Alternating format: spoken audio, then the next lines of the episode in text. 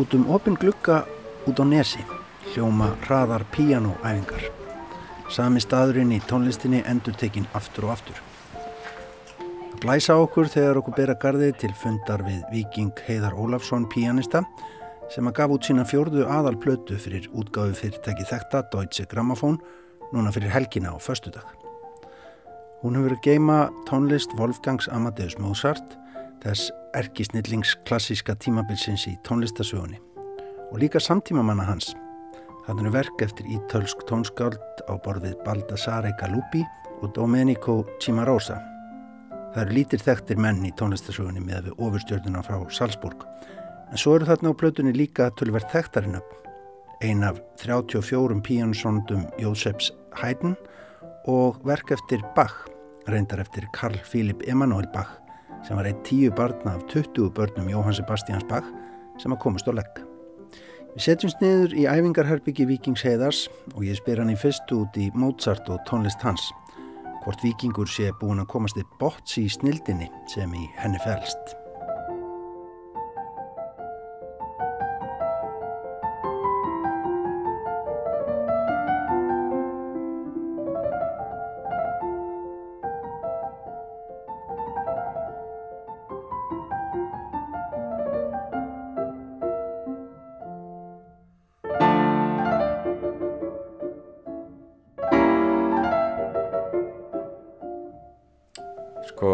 Já og nei.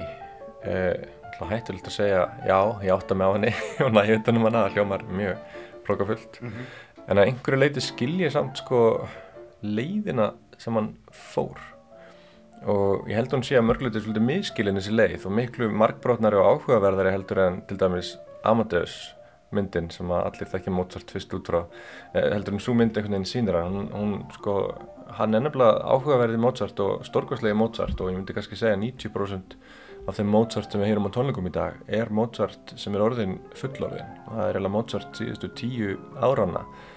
sko þegar hann fer frá því að vera einhvern veginn hann er hann 25 ára þegar alltaf platan mín hefst cirka bát hann deyr nú bara 35 ára. Þessi tíu ára eru ótrúlega þetta er einhver mögnuðustu tíu ár sem hann okkur tónskáld hefur bara átt og alveg sambarilega við sko, stóru stökkin hjá Beethoven. Að mínu viti sko. E, það sem er áhugavert við Mozart er þessi kvörf sem að verða í lífans um svona miðjan þríthugsaldurinn þegar hann einhvern veginn lendir einhvern veginn í öllu á sama tíma. Hann lendir í því að missa móður sína. Þá er hann 22 ára 1778 og svo einhvern veginn hefst baráttan bæði fyrir tilvistarétti sínum bæði sko í listinni en líka bara persónlegum tilvistarétti sínum og persónlegu frelsi. Og það er einhvern veginn tókast áhjónum þetta sko að, að sko, sambandans við föður hans Leopold Mozart sem er afskaplega að mörguleiti flókið og hann náttúrulega mínu viti svona frekar óviðkunnanlegur uppalandi hann Leopold. Ótrúlega sjálfkverfur maður með mikla eiginhagsmunni og með ólíkindum að lesa sem brefin á melli herra þeðga baráttan einhvern veginn til að losna undan, undan honum, undan okki hans og fá að giftast ástunni sinni Konstansu Weber sem að náði nú að endanum í algjöru óþökk pappans. Uh, og svo í rauninni baráttan að skilgrina sér upp á nýtt að vera ekki lengur undrabarnana, vera ekki barn guðana, vera allt í nýju 25 ára. Þetta er eitthvað sem er náttúrulega bara mjög þekkt í gegnum alla tónlistarsöguna það getur mjög oft og raunar oftast verið mikil bölvun að ná of miklum fram og snemma þá að við bæðum um tónskáldin og líka um flytjendur, það er svo mörg dæmi og um svona sorglega lífslaup í, í því sko. Og hann veginn þarf að endur skilgrina sig, hann er ekki lengur hérna uppáhald allra greifana og prinsana og allra, allra aristokratana og hann náttúrulega er hérna, þetta er 1780-90, þarna eru við líka bara að sjá ótrúlega samfélagskvörf sem er að verða í Evrópu, franska byltingin er hérna undir lók áratugarins og þetta er svona kannski síðustu svona góðu ár aristokratana, gömlu góðu Európa sem hún var sko. Og svo er alltaf að fara að byltast. Og því miður fær Mozart ekki að, að lifa í rauninni mjög lengi eftir, eftir að, og hann er hann dæriðlega í miðri byltingunni þannig séð 1791 og hann fær ekki að upplifa þennan ótrúlega tíma sem það fór í hönd sem að Beethoven nýtur svo góðs af. En ekki nóg með það, sko, hann sé að brjótast undan hérna okki, okki aristokratana á að miskilin og fekk ekki pantanir, hann fekk ekki óperupantanir og hann, hann þarf að taka svolítið málinn í sínar hendur sem að, hérna, var nú sjálfgeft á þessum tíma. Hann til dæmis þegar hann fær ekki óperubandinni þá fer hann bara að skrifa hérna síð píjánakoncertana og, og blæs bara til tónleikaraðar og selur bara með hann sjálfur út úr íbúðinu sinni í, í Vínarborg og, bara hengir upp plaggött og hef, fær, fær hönnuði og ræður alla meðlum í hljómsutina og þetta er bara með ólíkindum, hann hafi gert þetta allt ofan á all hinn skildu störfin og, og, og vera fjölskyldu fæður ofan og allt annað og svo all endalusur yfirvildin við pappa sinn. Þetta er einhvern veginn, þarna verður Mozart fyrst í svona indie tónlistamæðurinn, getur við sagt sko, kannski sögunar, það er mjög áhugavert en, en það er svona hlýða Mozart sem að var mér pínu svona hulinn, þú veist hvað hann var sjálfstæður og hvað hann var í rauninni skildur í anda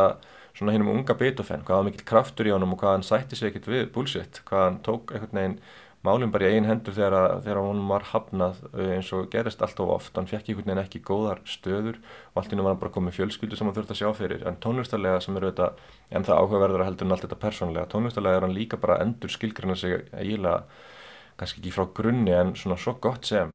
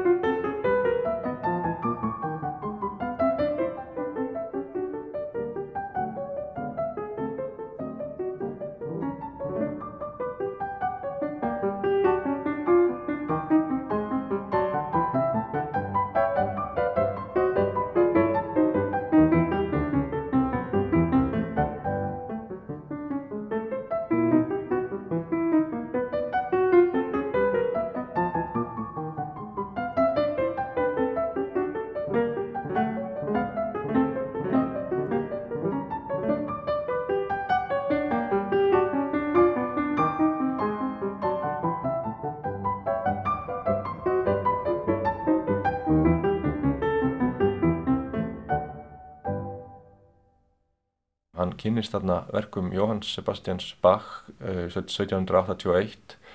það er í bókasafni bókasaps hérna, vörður í Vínaborg sem að kynna hann fyrir þessum verkum og, og það verður bara, það verður einhver ótrúlega kvörf sko, Mozart fær bara Bach veiruna, hann, hann alveg, alveg hann hafið áður, þú veist, lært hjá öðrum hérna Bach sinni, þess að Johann Christian Bach og, og elskaði Karl Philipp Manuel Bach sem er mitt á plötunum minni sko, frækt tilvitnun í Mozart þar sem hann segir Bach er fæðirinn, við erum börnin og ég hef alltaf haldið að það væri Jón Sebastian Bach sem umræðir en þá var hann að tala um Karl Philipp Manuel Bach. Svolítið fallett sko. En þetta er ótrúlega merklu því þarna bara breytist allt í Mozart og hann einhvern veginn fyrir að skrifa miklu markbrotnari stíl og verkmerki verða það er eftir þessi hvörf sem að allar helstu óperurnar síðkoncertarnir fallega hérna síð strengi kamamúsíkin öll bestu píjónaverkin bara, you name it, það verður allt til á þessum tíma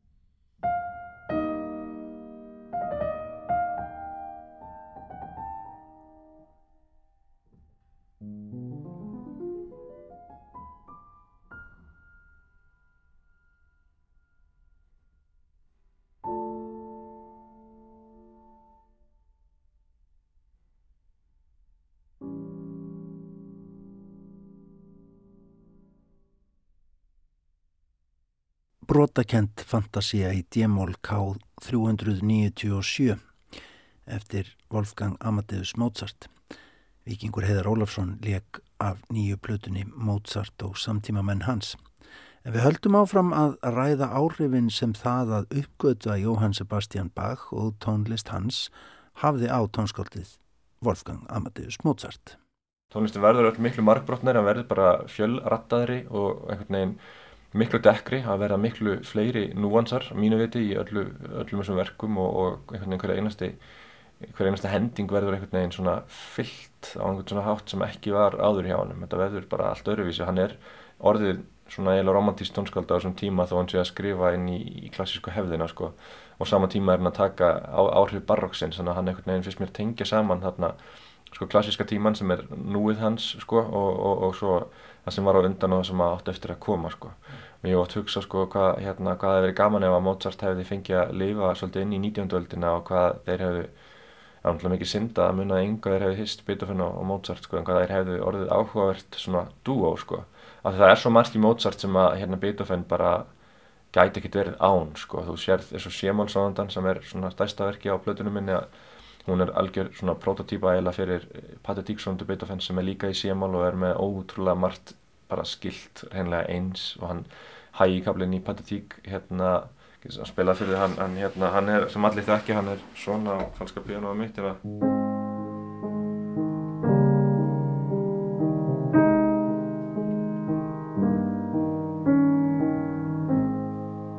Þetta er sko Beethoven uh, Þetta er í Mozart sondunni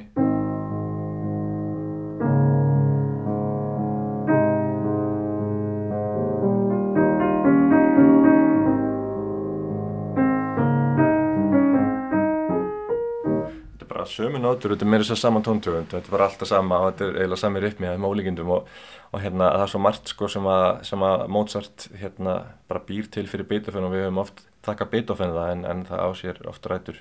rætur miklu fyrr sko.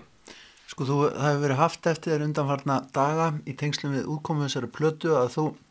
sért eiginlega hálf hissa stundum á þessari músík. Þegar líði þannig að hún komi eiginlega beint bara úr pennanum einhvern veginn, hún sé svo fersk en þá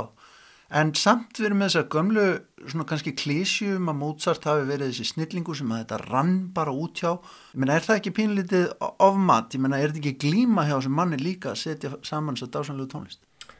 Ég held að sé alveg ástæða fyrir þessari góðsögn um Mozart og ég hef nú svona oft verið að reyna að afbyggja hana og reyna að halda því fram að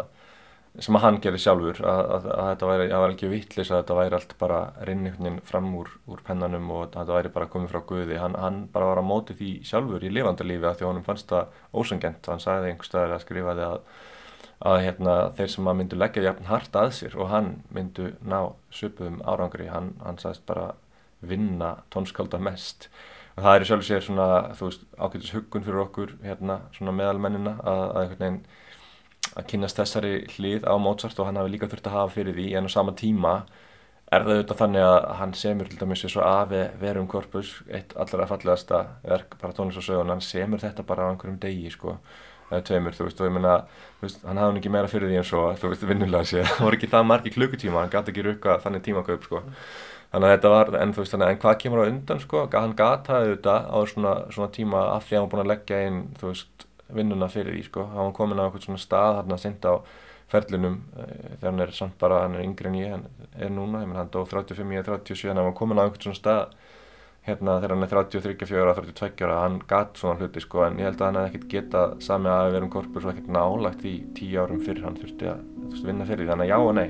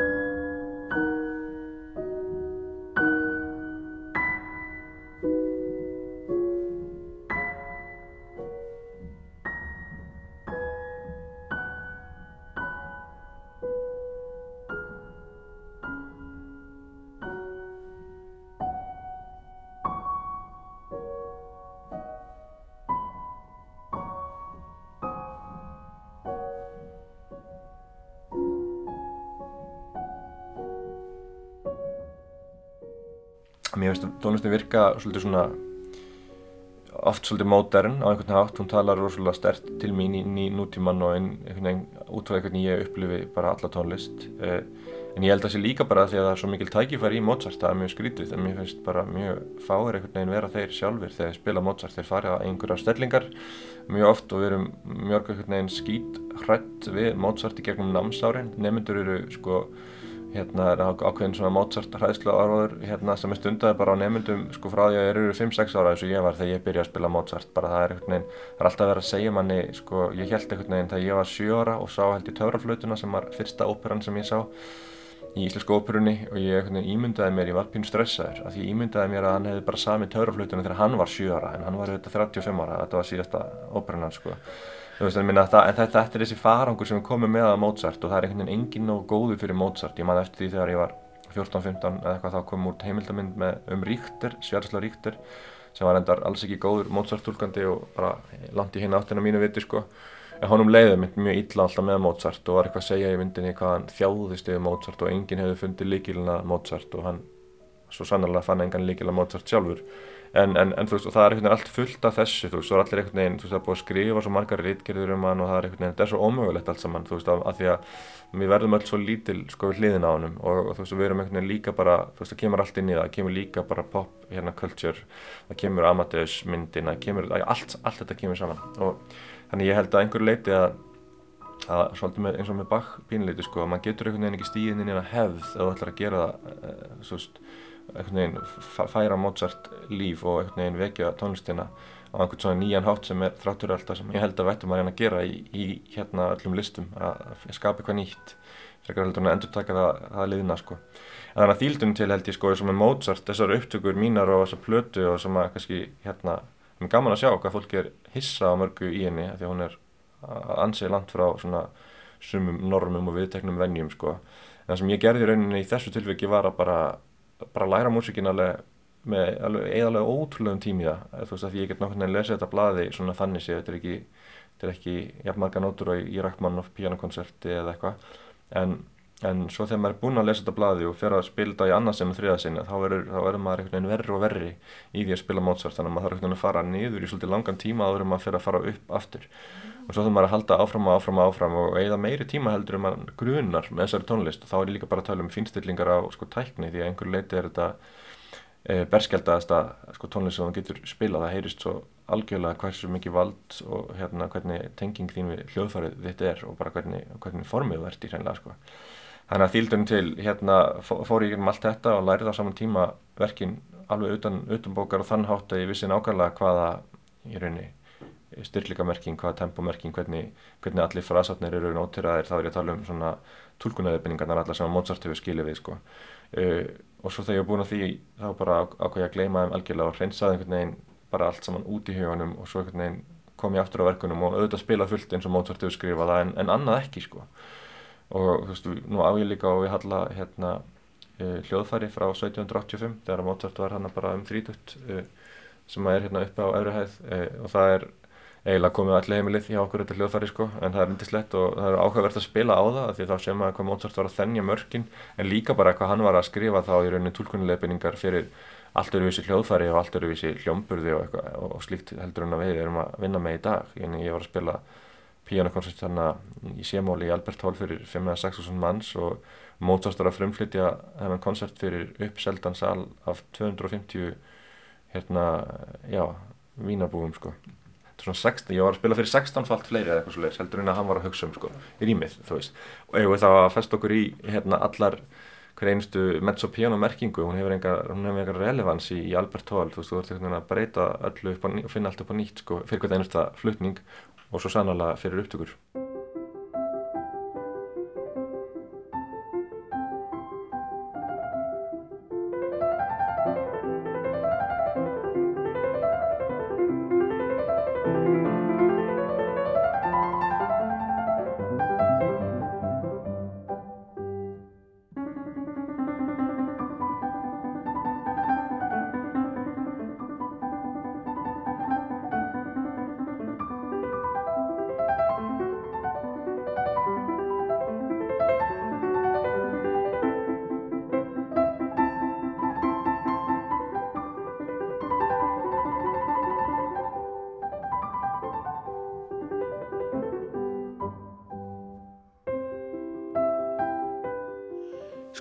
við tölum um samtímamenninans sem að þú blandar sama við verkinans, hugsun þú aðeins um hvern, hvað þú velur innan úr Mozart, ég menna hann náttúrulega, er, þú hefði getað að fara í ymsar áttir, hvað, er þetta eitthvað algjört uppáhalds konfettboks eða er, hvernig er valið þetta á verkunum hans pælt, er þetta einhvern veginn að tefla þeim saman til dæmis við þessa samtímamennans eða, eða hvernig hugsaður það? Sko Mozart var náttúrulega bara svo mistækt tónskáld hérna hann einhvern veginn, þú veist, þetta er svo misgóðu verk. Þetta er eitthvað sem maður má ekki segja og hérna það, á, það sama á við um Beethoven og það á við um Chopin og á við um alla þessa stærstur ísa kannski ekki jafn mikið við um Bach en jafnvel hjá honum, Jóhann Sebastiani þá, þá er hann líka á misgóða daga sko. Ef þú ber saman þriðju partitu Bachs og fjóru partitu Bachs þá er bara fjóra partitan eins og einmitt eins og einhverju tengingu við, við guðdóminn sko og þriðja partitan er einhvern veginn öll hérna svona skrifa meira kannski vilja heldur um mætti hvað myndir maður að segja. Eh, svona eins og ég upplifaði í dag, ég myndi með Mozart þá, þú veist, ég, hef, ég myndi aldrei geta tekið upp allar píjónusöndunar þess að því mér finnst þetta bara svo mis áhugaverðar þú veist, að tala minst stert til mín í nútímanum. Þessar tvær sem ég valdi sétur og sémúl, það voru svolítið eins og hérna, Mirka og Bjartarlið tungsins eða hérna, það er einhvern veginn ótrúlega fallegar tvær hliðar og sama hérna, peningi sko og þær eru skrifaðar sko, svo sem er Bjartari Séturinn litli sem að tengist núna þetta minningu sem ég á, þetta er eitt fyrsta verki sem ég spilaði eftir Mozart og, átti gríðarlega erfitt með þegar ég var 8 ára eða 9 ára. Uh, þú veist, og mér langar alltaf að taka þann, þetta er eiginlega Mozart sko sem er orðin þroskaðu listamæður og hann skrifar hérna bara svona eins og fullkomið benskuverk, eins og verk sem hann hefði aldrei getað samið þegar hann var 10 ára þó að sko stemningin í verkinu sé algjörlega þannig þetta er einhvern veginn eins og, eins og hérna kindertsenin eða eitthvað eins og sjúmannsandi sko fyrir Mozart að skrifa þetta verk svona sent og eins og næstu því sko frí frá verkum eins og, eins og hérna G-mól symfoníunni nummer hérna 40 sem hann var að skrifa á, sama tíma sem er alltaf frægast að verkið hans sko. Að hann einhvern veginn það er svona fái þetta er mjög svolítið verk einhvern veginn eins og ég horfið á það í dag allt öruvísveldin ég upplifið það þá og nú veist mér þetta verk einhvern veginn nostalgí og, og svo þrá eftir einhverjum, einhverjum einfaldari tíma sem hann var lungu búin að missa á þessum tíma í, í, æfis, á æfisinni ég, ég las náttúrulega í gegnum spilaði gegnum allar sánundurnar og veldur sem fyrir mér og var nú með alls konar útgáður og ég læri náttúrulega alltaf miklu, miklu, miklu meira heldur en ég endaði að taka upp. En svo er ég svolítið að fókusera á svipað ég gerði þegar ég gerir bakplötuna mín á smærri verkin og sumverk sem eru bara algjörlega eða aldrei spiluð. Svo litlu hérna Kleina Zík, hérna litla Gikkin sem er ótrúlegt verk sem að Mozart semur á einum degi þegar hann fer til Leipzig í svona pílagrims hérna fyrir að, að hérna vera nálægt gröf Jóhann Sebastians Bach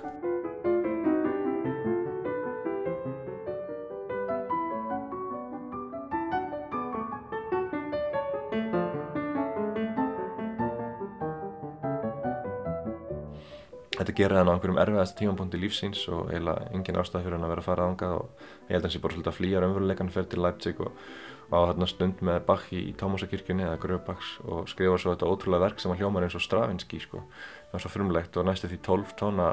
röð sem að byrja það það er þess að allir hérna 12 tónar kromatíska já, þess að vestrana skala frá, frá sé til sé í áttund og þetta er þetta var smjóðtrúlega áhugavert sko að fara yfir úr þessum pælingum öllum og skoða hvað var í gangi kringum Mozart og taka svona tónskóld sem ég hef haft áhuga eins og Galuppi og, og Cimarosa svona aðeins hérna og, Karl Wilhelm Manuel Bach og Haydn sem var náttúrulega minna áhinn Mozart, Haydn, er ótrúlega fallið samband. En að sko taka svona hérna, setja Mozart inn í svona tónlistar svona umhverfi síns tíma og af því hann var í samtali náttúrulega við hérna tónlist síns tíma hann var alltaf að stúdra verk annara bæði liðina og samtíma manna og hann var líka að flytja verk annara og, og, og stundum hérna fannst honum ósengent hvernig öðrum var hampað og, og honum ekki og svo frammeins og frammeins hann var bara svo við öll einhvern veginn uppliði uppliði ímislegt á sínum tíma. Og mér var svona í þessu, þessu hugmyndum Mozart og hvernig hann tekur alveg yfir og hugsa um einhvern veginn um þetta tímabil í tónlistasögunni svona 1700 og kannski 70-90 og Mozart bara á það einhvern veginn og svo er eiginlega eins og Haydn takja aðeins við og svo kemur bara Beethoven og á næstu 30 ár sko. Ég vil langa bara til að sjá hvað, hvað var í gangi og kom staði að það voru náttúrulega ótrúlega verk sem voru, sem voru samin þarna á þessum tíma og mjög svona experimental og, og hérna tilrunakend og svona, svona frábær hreinlega sko uh, eins og, og Galúsbísondunar en það eru samt mjög miskoðar og ég til dæmis vel bara ákveðin að kapla úr þeim. Það sem að mér finnst vera uh, á einhvern hátt svona kannski sem hafa mesta skýrskotun fyrir mér í nú, nútímanum eitthvað sem ég veist að vera framtíðamúsíki og svolítið að fókusera það. Platan hefst á ekki á Mozart og hún sé svo sannlega um Mozart heldur hún á alltaf F-mól hérna svona þætti eftir Gal Galuppi og það, það er ótrúld verk, þú veist, það hljóma bara eins og, eins og Schubert eða eitthvað þaðan, þaðan setna sko, þetta er eiginlega verk án laglínu og næstu því svona bara þetta er svona minnstur sem að ég tengi næstu því meira bara við sko með Philip Glass eða minimalisman sko, þú veist, þetta er alveg stór, stórmerkileg tónsmíð og gera það sem ég elska að gera sem er að hefja allar plötur á einhverju svona stóru spurningamerki og helst bara, þú veist, fá fólk til að spyrja sig hvað er í gangi, hvað, hvaða músík er þetta? Og helst að spyrja sig líka bara, þú veist, þekk ég klassiska tíman, af því að, þú veist, þá er allavega, ef ég ætti svara því sjálfur, þá, þá er svarið nei, ég kynntist honum miklu, miklu dýbri hátt síðasta árið þegar ég er búin að vera að vinna þessu. Og Chimarosa, það voru svonandur sem ég ást í rauninni, ég var búin að afskrifa þér og ætlaði ekki að taka þér upp af því mér ást þær svo eitthvað elementari með þetta svo svona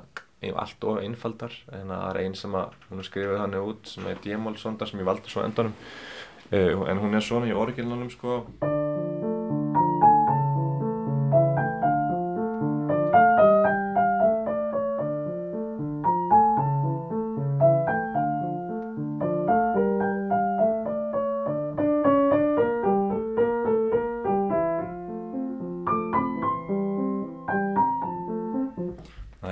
orginallin sko að þú veist málið er að þessi þessi sko sonanda hefur eitthvað eitthvað yfir sér. Þannig að þó að þetta hljómið er svona frekar banalt og einfalt og ekkit, ekkit í ísögingum þetta eru hjá að taka þetta upp þá, þá held ég áfram að hugsa um þessa sonandu og, og var, svo var ég að æfa fantasíuna eftir Mozart sem er í sömu tóndöfun sem er í D-mól þessa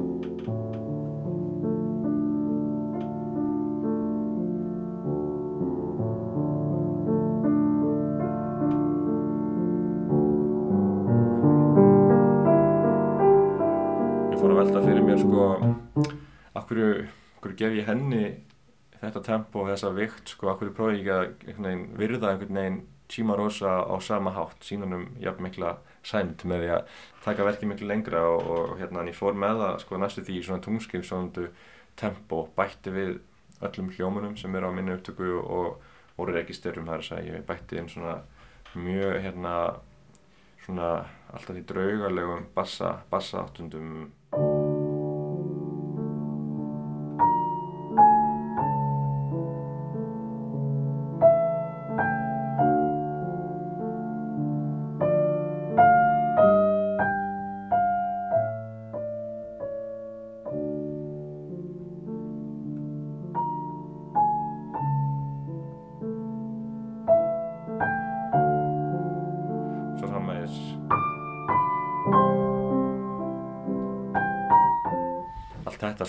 verki var náttúrulega allt öðruvísi heldur en hérna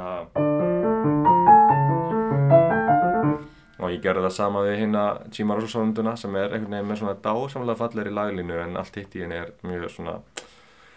heldur einfalt svona allir sem maður getur fengið alltaf að virka að mínu viti í dag á, á þetta hljóðfæri sem ég er að spila á sem er nútíma flíðlinn sko. En ég er einni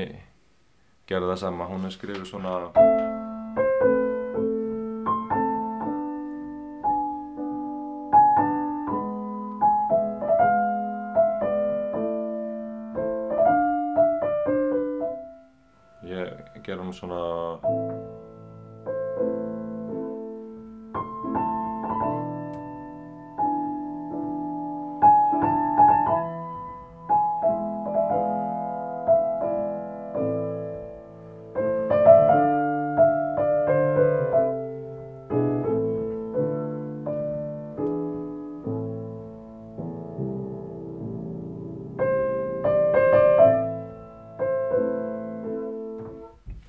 þannig að verkin eru náttúrulega næstu því jafn mikið mínu verk og, og, og Chimarosa eða þannig, ég kalli þetta bara sko á einsku arrangement eða einhvers konar umrutun bara. Og þá myndi einhver spyrja, má maður þetta bara? Já, hvað, ég ætla að almannavarnir að taka mig fastan fyrir það, sko, ég, ég veit það ekki, ég held að, ég held að þetta megi en, en, en ég ekki hvernig ég á að spyrja, sko. Ég, það er erfitt að spyrja tónskáldinn, það er erfitt að ringja til öruglunar með þetta. Eh, en já, það kemur í ljós, sko, hinga til sínist mér bara fólk reagera mjög skemmtilega á þetta þetta er svo miklu skemmtilegri tími til að taka upp heldur en var fólk var svo leiðinlegt svona sent á 20. stöld það voru allir fastir einhvern svona tónlistakrettu það, það var svo, allt, allt svo einfalt hvað mátti og hvað mátti ekki og það voru bara eitthvað svona lög svona, hérna, sem voru skrifuð af einhverjum tónlistar hérna, fræðingum um hvernig allt átt að vera og samkvæmt þeim náttúrulega ætti ég aldrei að taka Mozart upp á, á flíl þú veist ég ætti bara að halda mig við átjöndu aldar hljóðfæri hérna á öðru hæðinu heima hjá mér eða eitthvað eitthva, eitthva þannig að vera sko. En veist það er það er svo, það er svo gott með nútíman að þú veist bæði gaggrinendur en það sem skiptir meira máli áhörendur uh, hugsa bara ekkert svona, þetta er ekki svona, svona klift og skori sko. Og,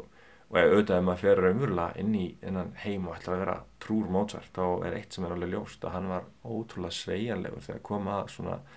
hvaða miðill væri notaður fyrir tónlistina það var náttúrulega allt svo miklu, miklu afslappar og menna Mozart var líka oft bara að fá mjög mikið lána frá öðrum tónskaldum þannig að öll hérna allt helst, helsta mótífið í hérna forleg törruflutunar er allt sem hann fengi að láni frá Clementi sem var ítalst samtíma tónskald algjörlega sko.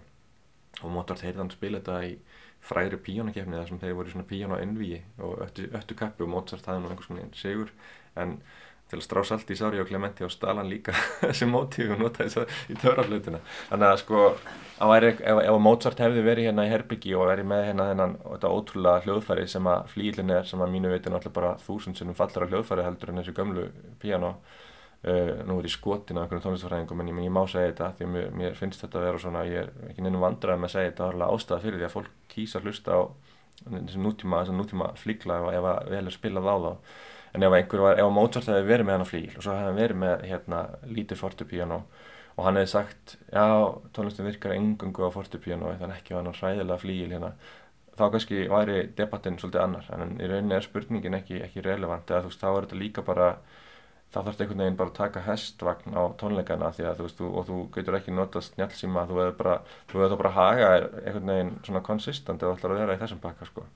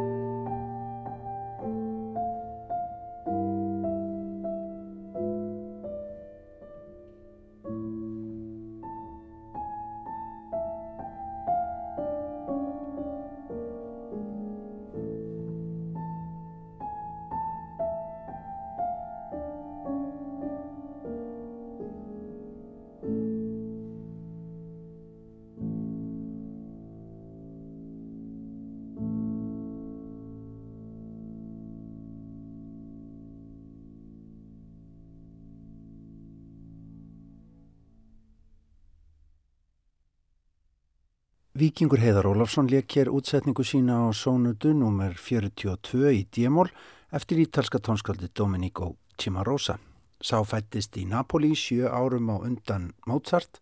og dó tíu árum á eftir honum. En við Víkingur höldum áfram að huga að frelsi til að umrita og breyta tónlist sem skrifuð var með einhverjum hætti niður á blað fyrir mörgundru árum. Þetta er líka eitthvað sem er bundið við tónlist sko hérna Uh, af því að það er svo mikið, mikið samanbjöralistform, klassiska tónlistin sem er svo leiðilegt en líka alveg skemmtilegt en það getur orðið svona, þú veist, maður sér þegar fólk hlustar einhvern veginn á forsundum einhvers annars, þú veist, þú sér alltaf þegar gaggrinandi fjallar um því þá er kannski nýbúin að vera að hlusta einhvern annan flytjanda sem er með einhvern sannleik sem að þessi gaggrinandi tók með sér inn í það að hlusta á hinn nýju upptökuna sko. Og þú sér það allt strax, þú veist, og það er náttúrulega bara vandrarlegt hérna fyrir gaggrinandan finnst mér en, en það er samt ótrúlega áhugaverk og þetta er viðlóðandi við klassiska tónlist og hvað við, en líka bara hvernig við þráum hérna það sem við þekkjum. Og þú veist það er eitthvað það sem eru í rauninni óvinnur listarinnar út í það er farið en það er, það er svo ríkt í manneskinni þannig að við þykjum mjög vænt um einhverja eina tólkun og við erum búin að hrífast mjög djúft af einhverju einu og, og svo ertu bara búin að vera að skrifa um tónlist kannski 30 ár og, og svo kemur einhver og gerir eitthvað allt öruvísi þá ég skil það, það er ótrúlega erfitt náttúrulega að sleppa því sem að hefur verið þinn sannleikur í 25 ár sko og þetta er eitthvað sem allir svona áhugaverði flytjendur þurfa að díla við, Glenn Gould þurfa að díla við og, og allir sem að, hérna, sem að gera eitthvað sem máli skiptir. Mér var svo áhugavert, hérna ég minni uppáhaldspianisti eiginlega Dino Lipatti sem dó 33 ára, yngre en Mozart hann dó 1950, hann skrifaði alveg hrikalega skemmtilega og áhugaverða fallega rittgerð sem er enda bara til í svona uppkastsformi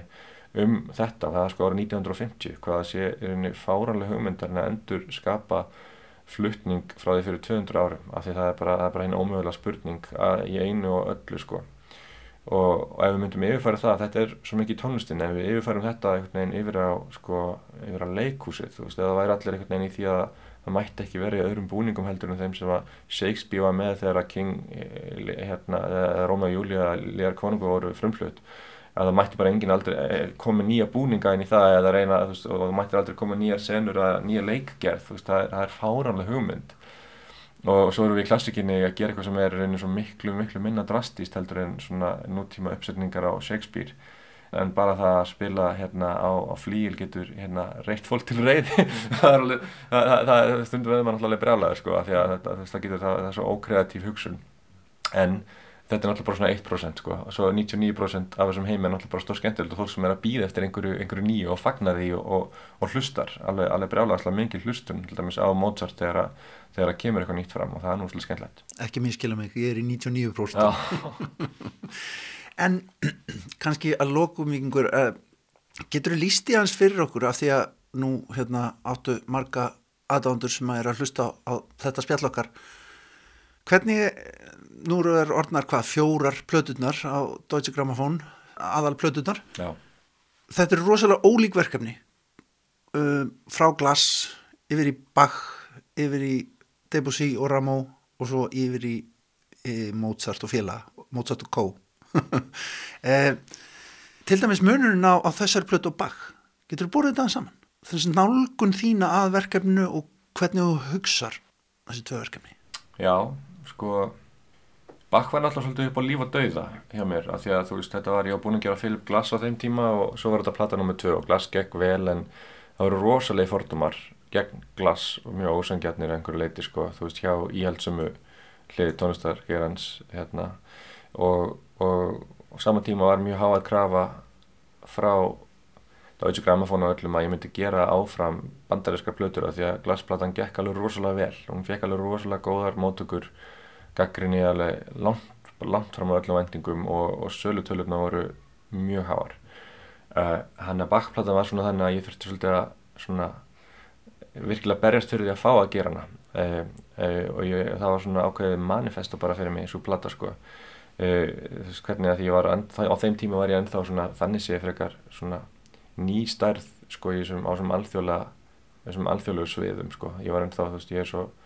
kemur svo sent inn á þau sko á ýmsum ástæðum en, en, en, en þannig að það var einhvern veginn sko að nálgast bak þá langaði mér bara til að fókusera á hann út frá einhverju svona hlið sem að mér fannst ekki hafa verið einhvern veginn gerð góð skil. Og það var eiginlega bak sem meistari svona smásagna formsins ég var að reyna að brjóta niður fyrir sjálfu mér og kannski hlustundum mínum þessa hugmyndum bak sem svona kolossal tónskáld sem skrifar Goldberg til breyðin og Mattiusar Passíuna og allir þessi, þessi risastóru verk, þessar, þessar domkirkjur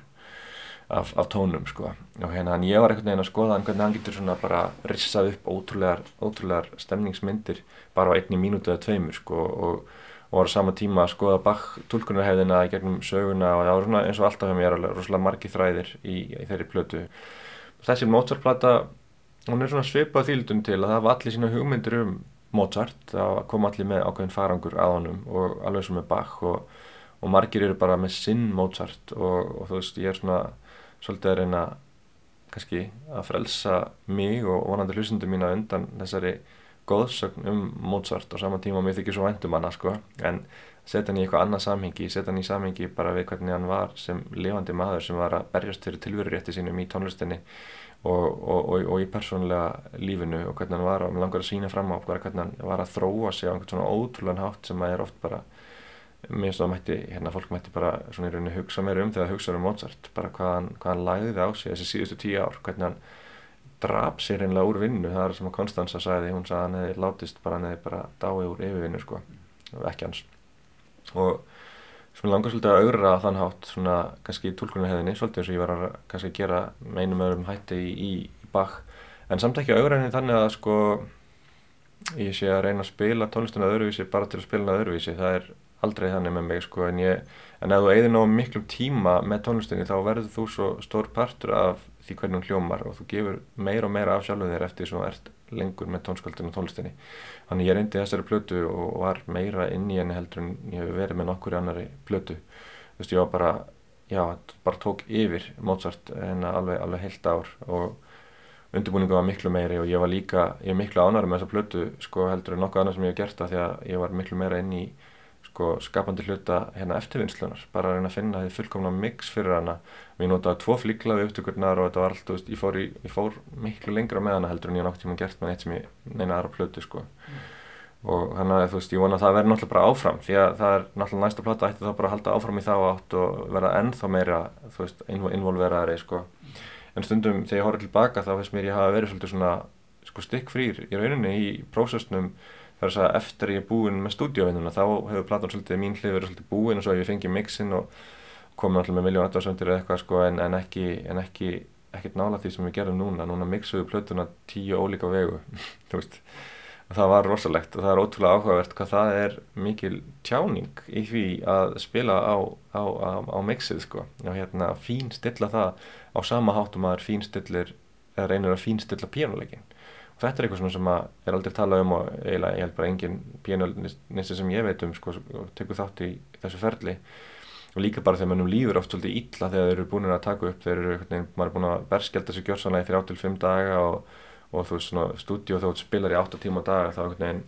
kynnistu líka öllum veiklikum þínum og, og þú veist það getur alveg tekið yfir salverðinu hliðina. Þannig að, þannig að oft vilja menn bara bara láta þess að það hafi ekki áttur stað. Og halda áfram með lífsitt og svo kemur platan út og svo einhvern veginn halda þær áfram að spila tónleika en, en þarna var ég bara virkilega einhvern veginn nægin að horfa í speilin bara og og sjá þú veist allt sem að maður ekki tala sér trúum að, að, að maður sé sko þú veist og, og líka styrkleikana. Og það var mjög áhugavert og það var bara nýtt og, og það var bara eitthvað sem að já, ég held að haldi áfram. Saði vikingur Heiðar Ólafsson pianisti um nýjustu blötu sína Mozart og samtímamenn hans sem nú er komin út frá útgáðu fyrirtækinu Deutsche Grammophon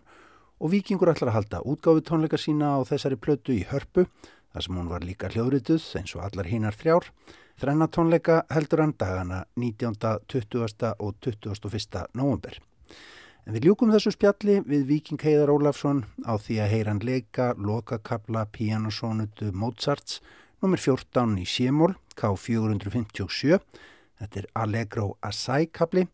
sem sagt hann á að vera afar hraður